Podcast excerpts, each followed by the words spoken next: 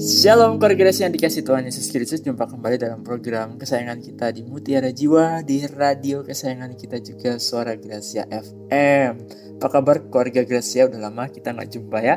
Semoga keluarga Gracia juga tetap punya semangat yang baru Harapan yang baru, resolusi yang baru Dan semuanya didengar dan diberkati oleh Tuhan. Mari keluarga Gracia kita juga akan menerima berkat Tuhan lewat Firman-Nya akan kita baca dan renungkan. Mari kita berdoa dulu, kita minta hikmat dan penyertaan dari Tuhan. Mari kita berdoa. Bapa dalam sorga, terima kasih kami diberikan waktu dan kesempatan sore hari ini ketika kami sudah selesai bekerja, mungkin kami sedang ada dalam perjalanan pulang. Sebentar kami akan membaca dan merenungkan firman Tuhan. Biarlah renungan sore ini firman boleh tersampaikan kepada kami sehingga terus mengisi kehidupan kami sehingga rohani kami tetap boleh terus bertumbuh di dalam Tuhan. Berkata-katalah Tuhan, ajarlah kami dalam nama Tuhan Yesus Kristus kami berdoa. Amin. Keluarga siang mari kita buka satu bagian firman Tuhan yaitu Yohanes 1 ayat 29 sampai dengan 42. Injil Yohanes pasal 1 ayat 29 sampai dengan 42. Yohanes 1 ayat 29 sampai dengan 42. Tema yang saya angkat pada sore hari ini adalah get to know him atau uh, semakin dalam mengenal dia ya. Firman Tuhan berbunyi demikian. Pada keesokan harinya, Yohanes Pembaptis melihat Tuhan Yesus datang kepadanya dan Yohanes berkata, "Lihatlah anak domba Allah yang menghapus dosa dunia." Dialah yang kumaksud ketika ku katakan, kemudian daripadaku akan datang seorang yang telah mendahului aku sebab dia telah ada sebelum aku. Dan aku sendiri pun mula-mula tidak mengenal dia, tetapi untuk itulah aku datang dan membaptis dengan air, supaya ia dinyatakan kepada Israel. Dan Yohanes Pembaptis pun memberi kesaksian katanya, Aku telah melihat roh turun dari langit seperti merpati, dan ia tinggal di atasnya. Dan aku pun tidak mengenalnya, tetapi dia yang mengutus aku untuk membaptis dengan air telah berfirman kepadaku. Jikalau engkau melihat roh itu turun ke atas seseorang dan tinggal di atasnya, dialah itu yang akan membaptis dengan roh kudus. Dan aku telah melihatnya dan memberi kesaksian, ia inilah anak Allah. Pada keesokan harinya Yohanes Pembaptis berdiri di situ pula dengan dua orang muridnya. Dan ketika ia melihat Tuhan Yesus lewat, Yohanes berkata, "Lihatlah anak domba Allah." Kedua murid itu mendengar apa yang dikatakannya. Lalu mereka pergi mengikuti Yesus. Tapi Tuhan Yesus menoleh ke belakang. Tuhan melihat bahwa mereka mengikuti Dia, lalu berkata kepada kedua murid itu, "Apakah yang kamu cari?" Kata mereka kepada Tuhan, Rabi, artinya guru, di manakah engkau tinggal? Tuhan berkata kepada mereka, Marilah dan kamu akan melihatnya. Mereka pun datang dan melihat di mana Tuhan Yesus tinggal. Dan pada hari itu mereka tinggal bersama-sama dengan Tuhan Yesus. Waktu itu kira-kira pukul 4. Salah seorang dari keduanya yang mendengar perkataan Yohanes Pembaptis lalu mengikut Tuhan Yesus adalah Andreas, saudara Simon Petrus. Andreas mula-mula bertemu dengan Simon, saudaranya, dan ia berkata kepadanya, "Kami telah menemukan Mesias," artinya Kristus. Andreas membawanya kepada Tuhan Yesus. Tuhan Yesus memandang Petrus dan berkata, "Engkau Simon anak Yohanes, engkau akan dinamakan Kefas," artinya Petrus. Koregresi yang dikasih oleh Tuhan Yesus Kristus suatu kali sahabat saya uh, didatangi ya oleh anaknya ya. Anaknya ini sudah uh, mau kuliah begitu ya dia kelas 3 SMA nah yang bikin kaget itu anaknya tiba-tiba ngomong begini keluarga Gracia.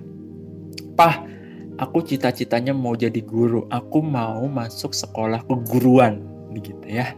Nah kenapa kaget ya e, karena ya nggak nggak lazim aja gitu ya ketika anak cita-citanya pengen jadi guru. Coba keluarga Gracia, saya survei deh yang mendengarkan siaran ini. Siapa di sini yang anaknya pengen jadi guru? Ya, ada nggak kira-kira? Mudah-mudahan ada ya, atau lebih syukur lagi. Ada yang pengen jadi pendeta? Begitu ya. Wah, kalau ada, wah bagus sekali ya. Kenapa teman saya kaget? Karena teman saya berpikir ya teman saya bukan pendeta ya koregresi teman SMP saya ini. Jadi teman saya ini berpikir ngapain kamu jadi guru? Ya ya ngapain kamu jadi guru? Gaji guru berapa? Kata ya ini respon respon teman saya yang cerita ke saya gaji guru berapa? Gitu ya. Uh, kan nggak nggak besar ya. Kenapa kamu nggak pilih jadi akuntan misalkan ya atau uh, perpajakan gitu ya atau yang lain lah teknik gitu ya. Tapi dia pengen jadi guru. Dan keluarga Garcia tahu apa yang dijawab oleh anaknya ini. Dia katakan begini segala sesuatu tuh nggak bisa diukur dengan uang pak. Dia bilang gitu ya. Jadi kebahagiaan itu nggak bisa segala sesuatu diukur dengan duit pak. Dia bilang gitu. Hidup saya itu ingin uh, lebih berguna ya untuk orang lain terkhusus untuk anak-anak muda dia bilang gitu ya. Ketika saya mungkin bisa mencerdaskan mereka memberi inspirasi itulah uh, nilai kebahagiaan buat saya. Ya itulah cita-cita saya. Wah. Ya guys ya uh, ketika saya dengar cerita ini juga saya kaget ya. Kaget dalam arti ketika saya juga dulu pengen jadi pendeta ya koregrasi ya itu mama saya juga shock ya koregresi ya. Shock banget ya. Karena pada waktu itu saya sudah bekerja sudah punya karir sudah punya gaji sudah punya udah mau DP rumah segala macam lah. Tiba-tiba saya belok studi uh, lanjut gitu ya. Pengen jadi pendeta. Ya mama saya juga kaget ya. Ngapain pendeta? Gajinya berapa? Sama persis gitu ya kira-kira. Nah, koregresi yang dikasih oleh Tuhan Yesus Kristus, tapi memang setiap panggilan orang tuh beda-beda, ya. Dan itu uh, apa ya, seperti sebuah gift yang Tuhan kasih ke orang-orang uh, pilihannya. Atau setiap orang tuh memang pilihan Tuhan dan setiap orang tuh dikasih um, apa ya kepercayaan atau visi tertentu ya untuk orang itu. Nah bicara soal guru ya kepada Gracia, nah kita juga punya satu uh, contoh nih dalam bacaan kita ya. Contoh seorang guru yang baik ya guru yang nggak uh, nggak mengejar sebuah gelar, guru yang nggak mengejar untuk dibayar, katakanlah begitu ya hal-hal yang duniawi begitu ya. Tapi seorang guru yang puas ya ketika dia sudah melaksanakan tugasnya. Tugasnya adalah mempersiapkan jalan bagi sang guru agung yang sejati ya. Jadi gurunya bukan bukan aku nih, tapi guru yang sejati adalah Yesus Kristus itu sendiri ya. Nah, tidak lain guru ini yang saya tadi sebut adalah Yohanes Pembaptis ya, seorang pribadi yang nggak pernah cari muka atau haus akan penghormatan ataupun minta dibayar gitu ya. Bahkan kalau kita tadi baca di dalam eh, Yohanes uh, pasal 1 tadi ayat 29 sampai 42, dia rela ya melepas murid-muridnya supaya kedua muridnya ini uh, condong atau silahkan mengikuti sang guru agung yang sejati yaitu Tuhan Yesus Kristus. Nah, jadi ceritanya begini. Kala itu Yohanes Pembaptis sedang bersama dengan murid-muridnya ya. Dan kemudian Yesus lewat di situ ya. Dan tentu eh, Yohanes uh, berkata ya mengajar kepada mereka semua ya, yaitu apa? Lihatlah anak domba Allah kata Yohanes ya, yang menghapus dosa dunia. Dialah yang ku maksud ketika ku katakan kemudian daripadaku akan datang seorang yang telah mendahului aku sebab dia telah ada sebelum aku. Perhatikan, Kemudian daripadaku akan datang seorang ya yang mendahului aku. Jadi inilah yang ku maksud ketika ku katakan.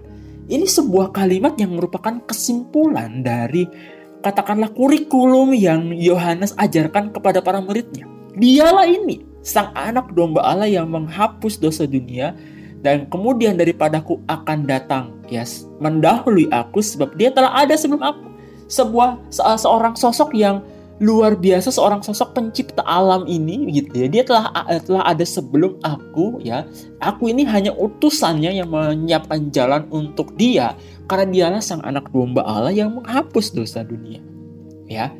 Nah, tentunya para murid ketika melihat sosok oh ini tuh orangnya, pastinya mereka juga akan tercengang begitu ya baru kali ini ya aku berjumpa. Oh ini tuh subjeknya yang selama ini guruku yaitu Yohanes Pembaptis yang selalu dia ajarkan kepadaku yang selalu dibicarakan yang selalu jadi perbincangan gitu ya ketika uh, Yohanes Pembaptis mengajarkan kepada para murid ya.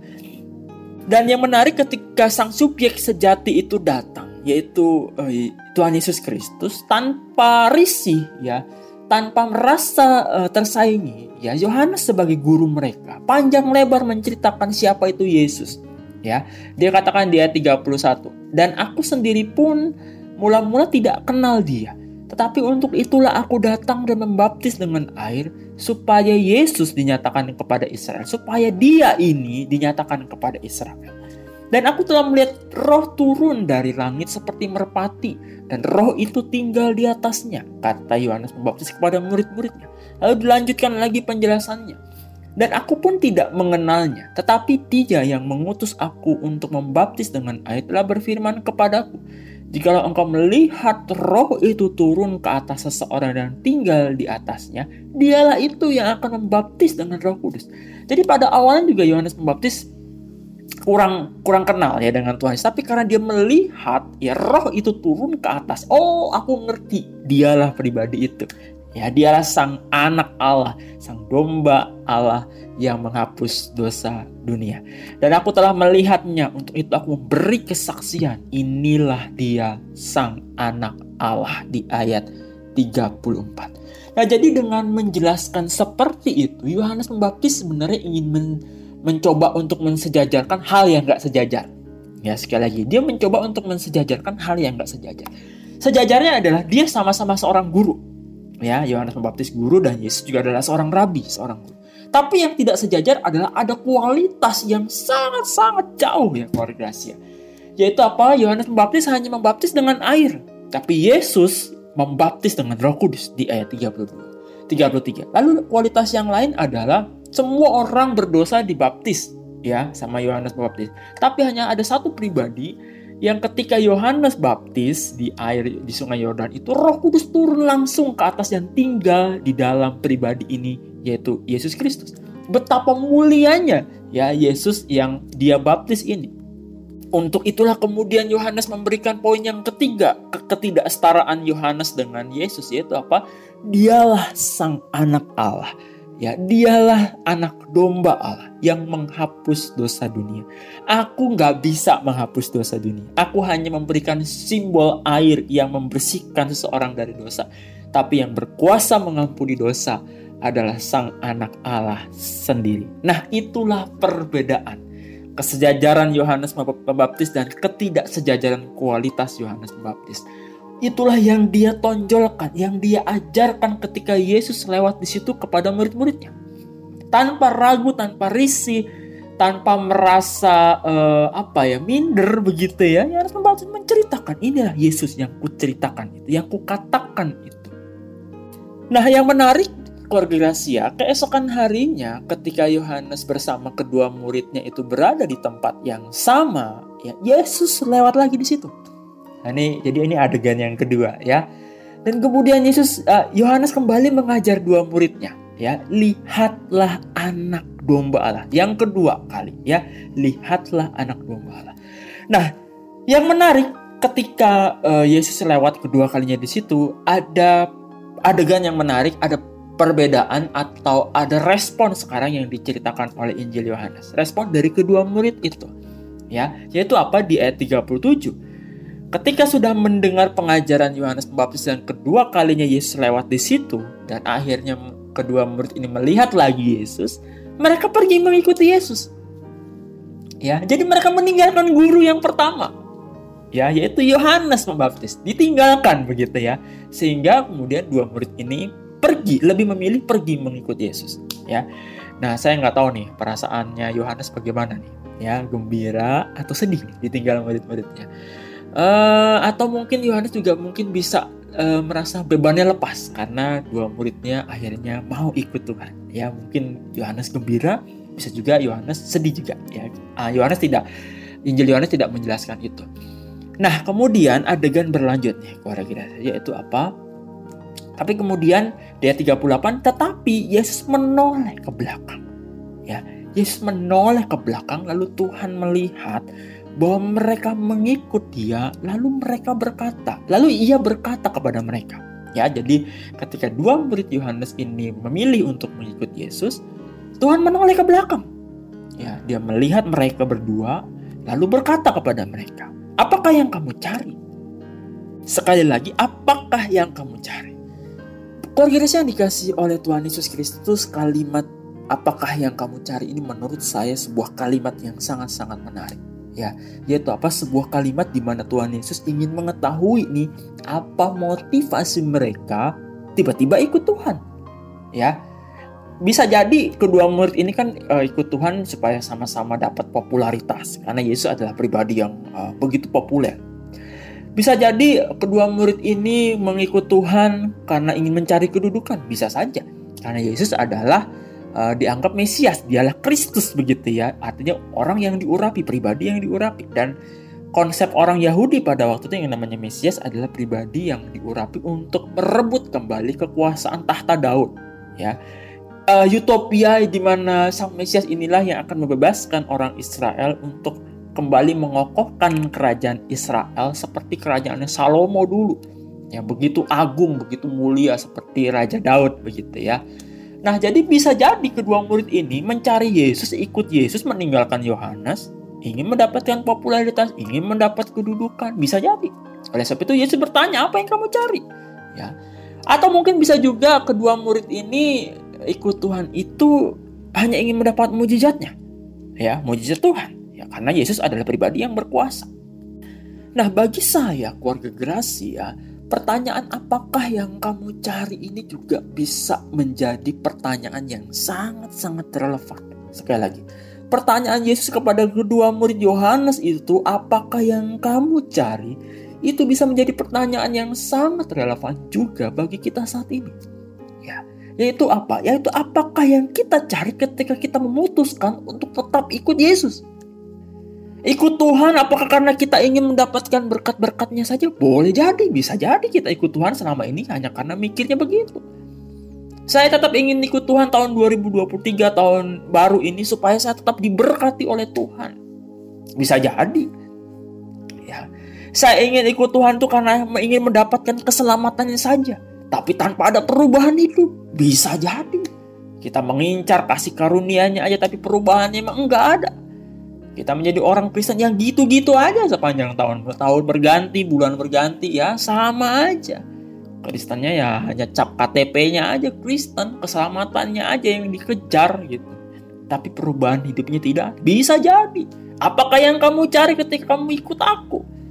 Bisa jadi kita ikut Tuhan tuh ingin bahagianya aja tanpa mau menderita. Bisa jadi. Atau ikut Tuhan supaya doa-doa kita dikabulkan oleh Tuhan. Ya bisa jadi. Kita ikut Tuhan tuh pengennya segala sesuatu jalannya lempeng. Lurus. Gak boleh ada tikungan. Ya, gak boleh ada kerikil.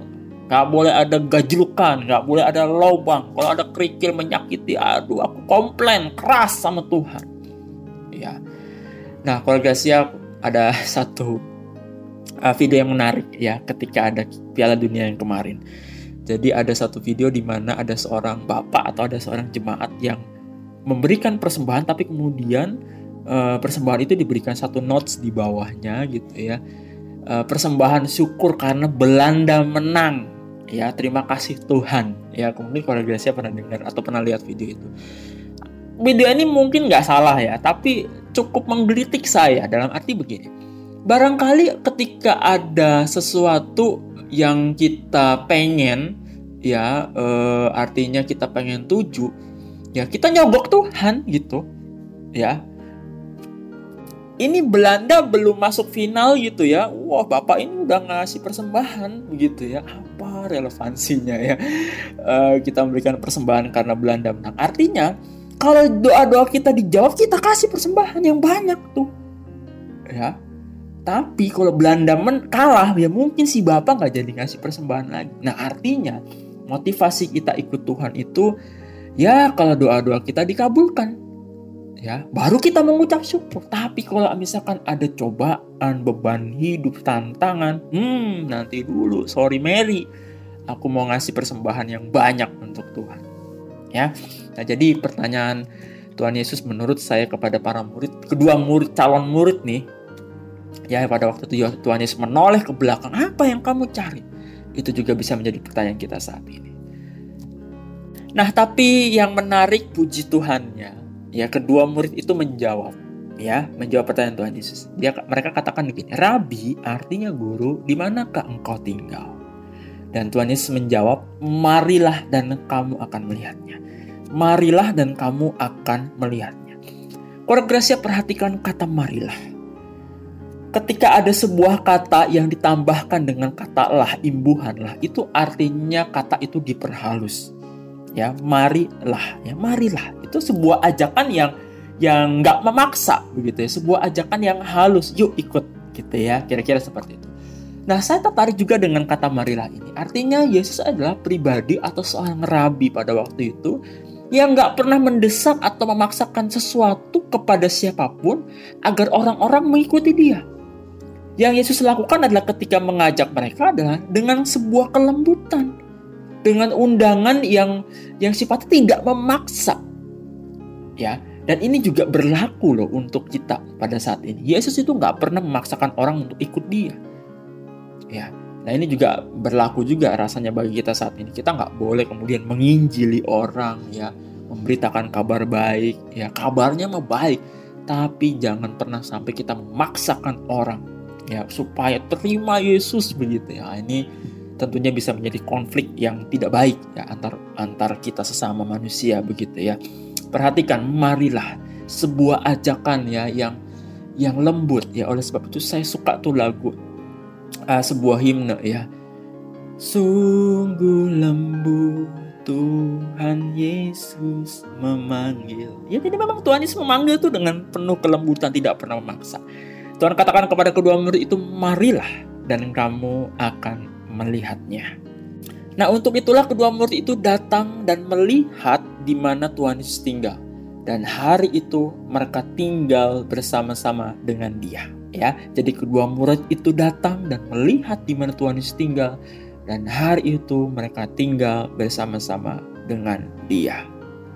Kata tinggal koregrasia berarti sebuah keputusan di mana kedua murid ini ya mau memberikan diri, bukan hanya mau memberikan diri tetapi memberikan waktu ya untuk mau bersama-sama dengan Yesus lebih dekat.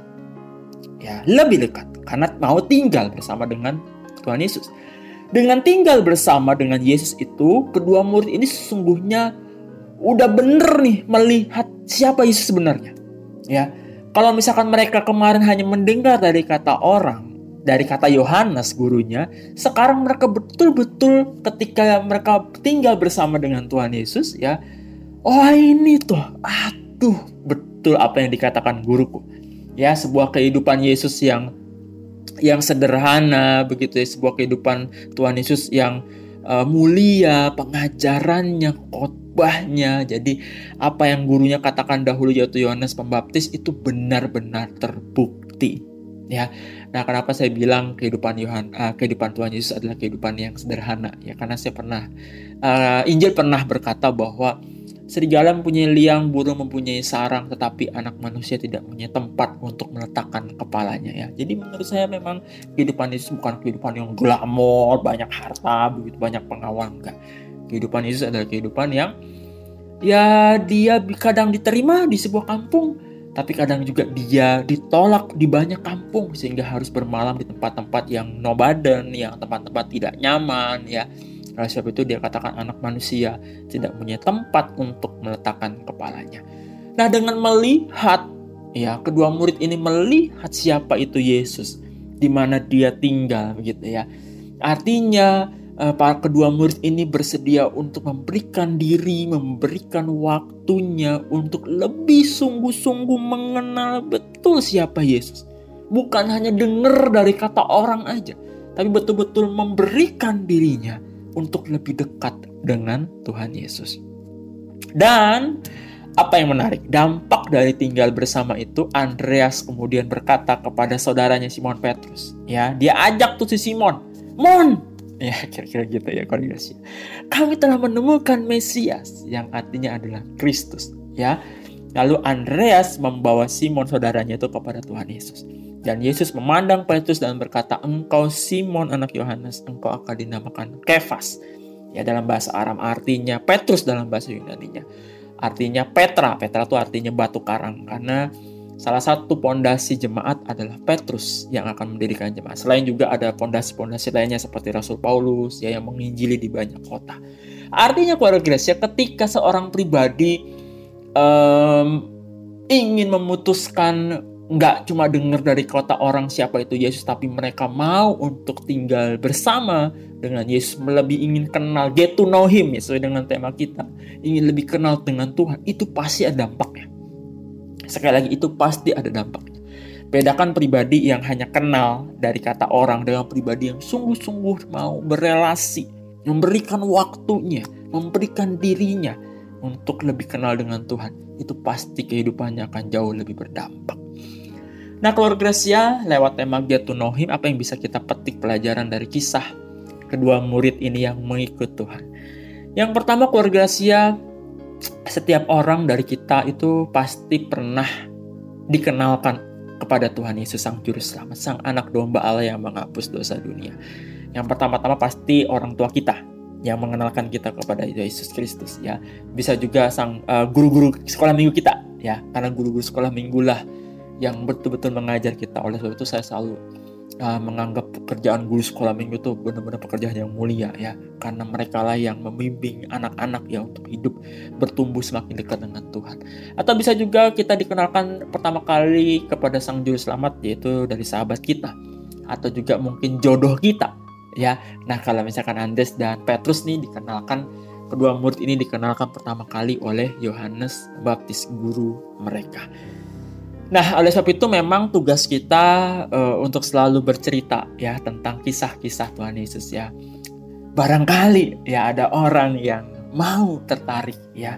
Kehidupan kita tugas kita adalah betul-betul untuk terus mau bersaksi kepada Tuhan ya kepada eh, orang-orang uh, banyak tentang Tuhan Yesus Kristus. Itu poin yang pertama. Ya, setiap kita tuh pasti uh, pernah mengenal, pernah dikenalkan dengan sosok Tuhan Yesus. Dan tugas kita sekarang juga untuk mengenalkan sosok Sang Anak Domba Allah yang menghapus dosa dunia itu kepada banyak orang. Itu tugas kita yang pertama. Poin yang kedua adalah hari ini kita juga belajar tentang apa motivasi kita ikut Tuhan. Ya, pertanyaan Yesus apakah yang kamu cari kepada dua murid Yohanes itu menjadi pertanyaan yang sekali lagi sangat-sangat relevan. Ya, apalagi kita masuk tahun 2023 nih ya sampai sejauh mana motivasi kita untuk mau ikut Tuhan? Ya sampai sejauh mana kesetiaan kita untuk ikut Tuhan seandainya tahun ini tahun yang gak mudah? Ya, apa motivasi kita ikut Tuhan? Ya, apakah ingin terima berkatnya aja?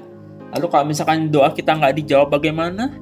Apakah kita masih mau setia pikul salib atau hidup ini? Ya harusnya senang-senang aja. Ya kan kita percaya kepada anak raja begitu ya harusnya kehidupan kita ya seperti uh, orang yang diberkati ya dan dan dan biasa. Atau kita hanya mengejar mujizat-mujizatnya aja. Sehingga kalau mujizat itu dirasa nggak terjadi aku berpaling dari Tuhan ya. Apakah yang kamu cari ketika kamu mengikuti aku? Itu sebuah pertanyaan yang patut untuk kita renungkan bersama-sama. Nah yang ketiga hari ini kita juga diingatkan bahwa mengikut Tuhan itu nggak cukup hanya sekedar tahu dari kata orang ya sekali lagi saya highlight Hari ini kita diingatkan bahwa mengikut Tuhan itu nggak cukup hanya sekedar tahu dari kata orang. Ya, peran orang tua GSM itu penting, tapi yang lebih penting adalah kita pun harus mau tinggal di dalam Dia. Dengan tinggal artinya kita mau memberi waktu, memberi diri untuk lebih dekat berelasi dengan Yesus.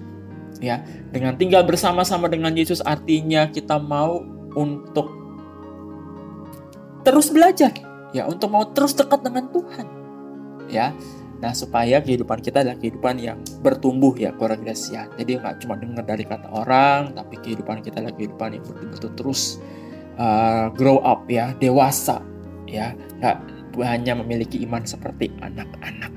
Sehingga kehidupan kita adalah kehidupan yang akan berdampak ya, sama seperti tadi Andreas ngajak tuh saudaranya ya. Itu karena dia sudah tinggal ya, berelasi lebih dekat dengan Tuhan tapi kalau kehidupan kita adalah kehidupan yang menjauh dari Tuhan, gimana orang kita bisa berdampak kepada orang lain? Terima kasih keluarga Sia, kiranya firman ini boleh menjadi berkat bagi kita semua. Mari kita berdoa. Tuhan Yesus yang baik, terima kasih untuk perjumpaan di ruang dengar kami ini, untuk kami sama-sama mendengarkan firman Tuhan. Bila firman Tuhan ini mengokohkan semangat kami untuk terus setia mengikut Tuhan, untuk terus mau tinggal, berelasi, memberi diri, memberi waktu kami di tengah-tengah segala kesibukan ini. Kami tetap punya waktu mendengarkan firman Tuhan, dengar-dengaran apa yang Tuhan mau dalam hidup kami. Terima kasih Tuhan, di dalam nama Tuhan Yesus kami berdoa. Amin. Tetap semangat di tahun yang baru, percayalah berkat dan penyertaan Tuhan selalu ada bersama-sama dengan kita. Karena kita menyembah Allah yang Immanuel, Allah yang beserta dengan kita. Saya Pendeta Kuku Aji Irianda, pamit undur diri, Tuhan Yesus memberkati. Amin.